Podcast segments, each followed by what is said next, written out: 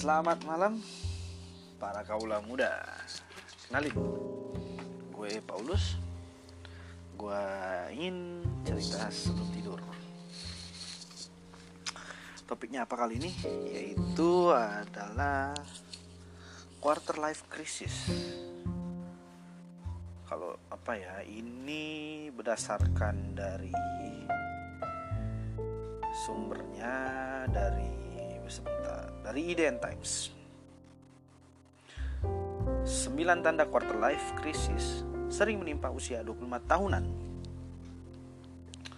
Se sebelumnya adalah quarter life crisis itu adalah seseorang yang berusia 25 tahunan mempertanyakan hidupnya di masa yang merupakan puncak kedewasaan seseorang ini.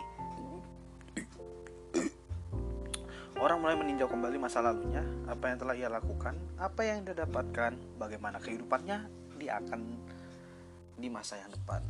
Oke, itu definisi dari IDN Times ya. Lalu, ini ciri-cirinya. Yang pertama, otakmu sering kali dipenuhi pertanyaan kenapa aku lahir dan untuk apa aku harus hidup di dunia. Kedua, kamu juga selalu kepikiran kalau belum melakukan hal yang terbaik di dalam hidupmu. Ketiga, sosial media kerap kali bikin kamu cemas dan membanding-bandingkan dirimu dengan orang lain. Keempat, kamu tak bisa bilang lagi santai semua pasti baik-baik saja atau gampang nanti pasti beres kok. Terus yang kelima, saat belanja kamu mulai pikir ulang karena baju kesukaanmu tak cocok lagi dengan usiamu sekarang. Oke, gua rasa cukup lima sih. Maksudnya adalah quarter life crisis itu kalau kita persimpel ya lu udah mulai mikirin sih apa yang mau lu lakuin kayak lu selama dari sekolah SD SMP SMA kayak lu udah mulai apa sih bilangnya gampangnya ya? Jati diri lah ya. Kayak men kalau gimana sih kalau lu tanyain sama orang yang lebih dewasa gitu? Kenapa sih kamu bandel? Kenapa sih kalian suka bolos? Ya menurut gue sih wajar-wajar aja. Namanya juga lagi pengen coba cari yang cocok yang nyaman buat diri lo gimana tapi kan kebanyakan dari kita kayak aduh biasanya juga kalau sama orang yang lebih dewasa atau lebih umurnya yang lebih dari 25 tahunan tuh kayak ngeliat ya udahlah mencari jati diri jati diri jati diri. Ya menurut gua jati diri itu ya sampai lu mati juga lu mempertanyakan jati diri lu siapa. Balik lagi kalau lu belajar filsafat ya semua ada pertanyaannya kan? Untuk apa lo hidup? Apa yang udah lo lakuin? Dan tapi ya gue bersyukurnya ini adalah suatu proses dalam hidup lo yang mana semuanya ini pasti akan terjadi. Terutama buat milenial-milenial sekarang yang kayak kayaknya gue harus udah fokus di kuliah. Kayaknya gue udah fokusnya harus kerja. Bagus berarti lo bisa mikir gitu karena sesungguhnya kalau lu survei ini nggak semuanya men bisa mikir kayak gini. Dan buat teman-teman yang belum ataupun juga masih jauh umurnya sebelum di bawah 25 atau di bawah 20 ya nggak apa-apa sih dengar buat lu belajar aja nanti ke depannya suatu saat kalau lu ngerasain. Dan mungkin juga sebenarnya quarter life crisis juga nggak dibatasin umur kan karena menurut gue quarter life crisis adalah fase di mana se seorang individu itu sudah mulai bisa berpikir mau ke mana tujuan hidupnya dia kan quarter life crisis oke okay. di fase ini ketika lu udah mulai ngerasain dan lu mulai peka kalau lu udah di fase ini ada yang mau gue kasih tahu ataupun semoga juga udah ada yang tahu sih harapannya begitu. Biasanya ada dua yang jadi kebingungan individu-individu itu termasuk gua sih waktu dulu. Uh, yang pertama adalah apa yang gua mau sering bertabrakan dengan kenyataan. Misalkan misalkan gue begini. Gue pengen jadi motivator tapi ya terkadang realitanya buat jadi motivator tuh susah men. Lu harus kuliah dulu lu harus ada sertifikat lu harus ada belajar basic-basic yang lain. Dan itu juga menurut gua itu makan waktu dan biaya yang nggak realistis sih untuk dalam waktu dekat. Itu kayak jangka panjang. Yang kadang juga nggak semua orang punya variabel yang bisa mensupport untuk mencapai apa yang dia mau. Misalkan kayak lu mau jadi trainer nih lu buat ngikutin sertifikasinya aja bisa kayak 5 jutaan ataupun gimana gitu kan. Lebih kadang kan. Dan dalam prosesnya itu kan juga butuh uang kan. Yang mana nggak semua keluarga bisa mumpuni untuk mencapai itu dan belum tentu juga kalau lo kerja bisa langsung jebret nanti segitu kan? Ada kebutuhan yang lain. Anggap yang pertama itu adalah faktor internal ya kalau gue bilang. Yang kedua faktor eksternal. Yaitu adalah apa yang ingin lu senang adalah bikin orang tua lu bangga. Nah, coba deh. Gua rasa banyak nih yang ngerasain. Kayak eh, gimana ya bilangnya? Eh, papa aku mau jadi polisi. Eh tentunya bapaknya ternyata dulu adalah sarjana hukum dia punya lawyer gitu punya lawyer badan lawyer gitu ya bapaknya mau legasinya itu turun ke anaknya. Dan anaknya sebenarnya nggak mau jadi dia. Pilihan hidupnya kayak jadi terbatas. Apa? Ya lu nggak jadi diri lu sih menurut gua. Ini menurut gua yang lebih fatal sih. Karena sulit kalau faktor eksternal ini. Di variabel yang lain adalah lu juga apa-apa masih dibiayain sama keluarga lu. Lu mau jadi diri lu sendiri kadang gak disupport men.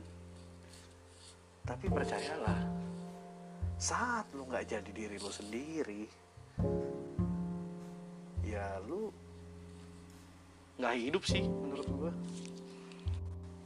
Teman-teman di sini gue mau himbau juga kalian semua itu masih muda.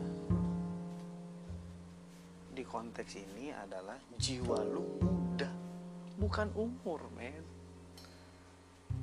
Ingatlah ketika lu muda adalah kespesialan kita adalah idealisme. Bahkan sampai Soekarno bikin quote begini beri aku 10 pemuda akan kuguncang dunia kespesialan kita sebagai anak muda. Jiwa muda lah. Jiwa muda. Umur boleh tua. Jiwa jangan. Karena kalau nggak ada semangat seperti ini ya kalian hidup kayak zombie aja. Ngalir ngalir ngalir. Bayangin dong kalau dulu pahlawan-pahlawan kita mau diam-diam. Aja tunduk tunduk tunduk men. Mereka itu mengguncang dunia dan sejarah mencatat karena dorongan anak muda. Menurutku juga umur umur mereka juga nggak terlalu muda sih. Jiwanya muda menurut gua. Dan termasuk Soekarno itu juga berani jiwanya muda. Jadi menurut gua ketika orang yang lihat de, orang dewasa yang merasa dewasa padahal karena umurnya merasa lebih tua kayak menurut gua ya lu udah tua sih. Jiwa lu tua. Gak asik.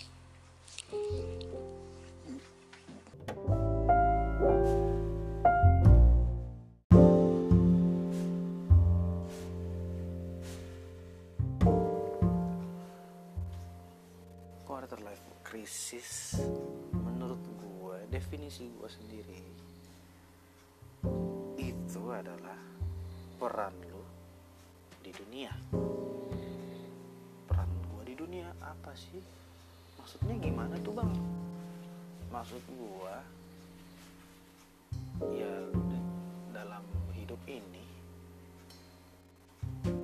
lu mau ngisi peran jadi apa? Jadi anak, jadi orang tua, jadi orang berguna, atau jadi orang nggak berguna. sesimpel itu karena di sekarang-sekarang ini ya orang itu udah ngejudge lo aja. Apa pun dia lulusnya telat. Ah ini orang bego. Misalnya orang juga belum dapat kerja. Ah ini orang pemales pengangguran. Men gile. Sekarang itu ya itu gampang banget ngejudge. Padahal dia juga nggak pernah untuk mencoba mengerti temannya atau sahabatnya yang lagi di posisi itu loh. Gampang gitu lu ngejudge. Dan tanpa lu mikirin padahal bisa aja nih bisa aja. Mungkin perannya dia di bumi ini sebagai pengangguran atau juga perannya dia juga memang menjadi orang yang gak pernah lulus. Tapi kan itu bukan berarti dia buruk. Benar salah itu relatif dari masing-masing pribadi lu. Dan kalau gak ada mereka yang masih belum lulus lulus lu nggak ada komparasi kan? Gak ada yang ketahuan kalau ini lulusan terbaik kalau nggak ada yang terburuk ya kan? Nggak ada yang tahu kalau lu ini beruntung bisa dapat kerja kalau nggak ada pengangguran. Itu juga ada perannya. Mungkin perannya dia nggak se secerah lu nggak secerah lu sebagai misalkan lu sebagai ketua himpunan atau misalnya lu manajer beda. Tapi mereka punya perannya masing-masing. Bisa jadi komparasi bisa untuk kita bersyukur. Tapi bukan berarti lo dapat bicara atau ngejudge dia itu buruk bisa aja dikarenakan dia masih mencari apa yang gue mau.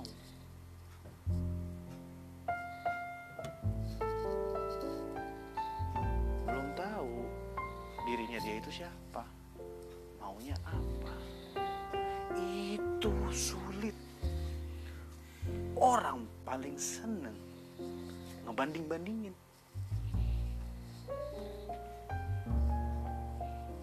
lu bandingin dia yang baru mulai dia start dari nol. Kuliah sendiri kerja dulu dibandingin mereka yang ada umurnya sebaya tapi udah jadi gelar doktor. Men startnya dia kadang berbeda bisa berbeda. Yang udah jadi dokter keluarganya mumpuni kuat. Nah yang satu harus struggle lebih keras dan lu sebagai penonton lu main enak aja gitu. Ah lama kuliah lo ah pengangguran. Dan yang satu lu lihat yang dokter itu kayak yang udah jadi. Ih, gila lu hebat ya umur segitu. Pak ibu kalian harus lihat prosesnya. Kalian harus lihat halaman di mana dia baru mulai apa sudah mulai? Titik start kita berbeda. Perbedaan. Proses kita masing-masing berbeda. Seringkali tuh kita ngerasa kayak datang mengajari datang dengan paling hebat memaksa untuk mengerti. Dan kadang kita lupa kita sendiri tuh jadi toxic positivity buat orang. Ini juga apa yang jadi keresahan lu sih? Kadang lu tahu teman lu nih apa sih toxic toxic toxic positivity? Aduh susah ngomongnya. Toxic positivity? Toxic positivity adalah ya lu beranggapan semua orang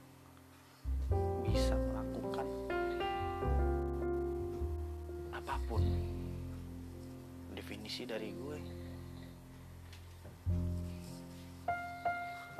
Kayak orang tua lo dulu.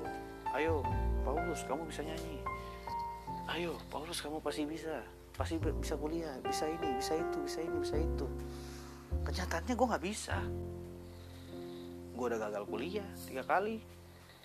Sekarang gue ke kampus yang empat keempat ini. Yang gue alamin malah jadi beban buat gue beban buat hidup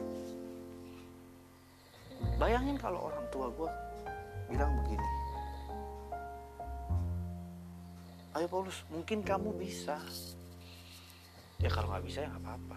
Itu adalah harapan. Definisi harapan menurut gue ketika lu mengingini sesuatu kalau lu dapat lu senang tapi kalau lu nggak dapat ya nggak masalah. Itu harapan.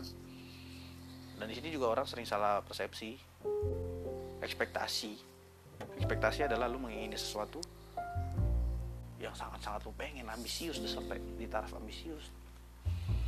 Tapi lu lupa nggak semuanya bisa kejadian kan? Alam punya cara kerjanya sendiri. Dan ketika itu nggak kejadian lu kecewa.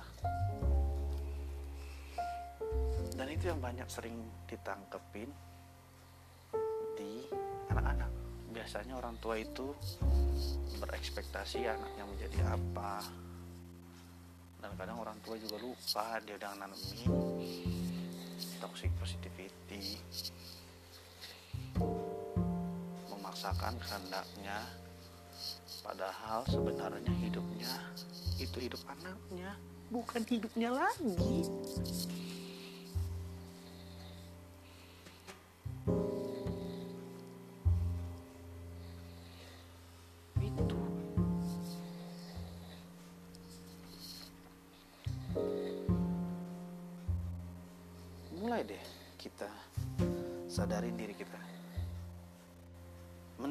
kita sendiri. Terima terima apa yang lo bisa? Apa yang lo bisa terima? Jangan mencoba untuk menyenangkan orang lain. Tetapi senangkanlah dirimu sendiri ketika aku menjadi aku. Karena kemampuanku hanya bisa jadi aku aku tidak bisa menjadi apa yang kau mau. Dan jangan lupa ini hidupku. Bukan hidupmu. Engkau boleh mengarahi tapi sisanya itu aku yang pilih. Bukan aku menjadi apa yang kau mau ini hidupku ini peranku. Sudah saatnya kita pilih peran kita di hidup ini.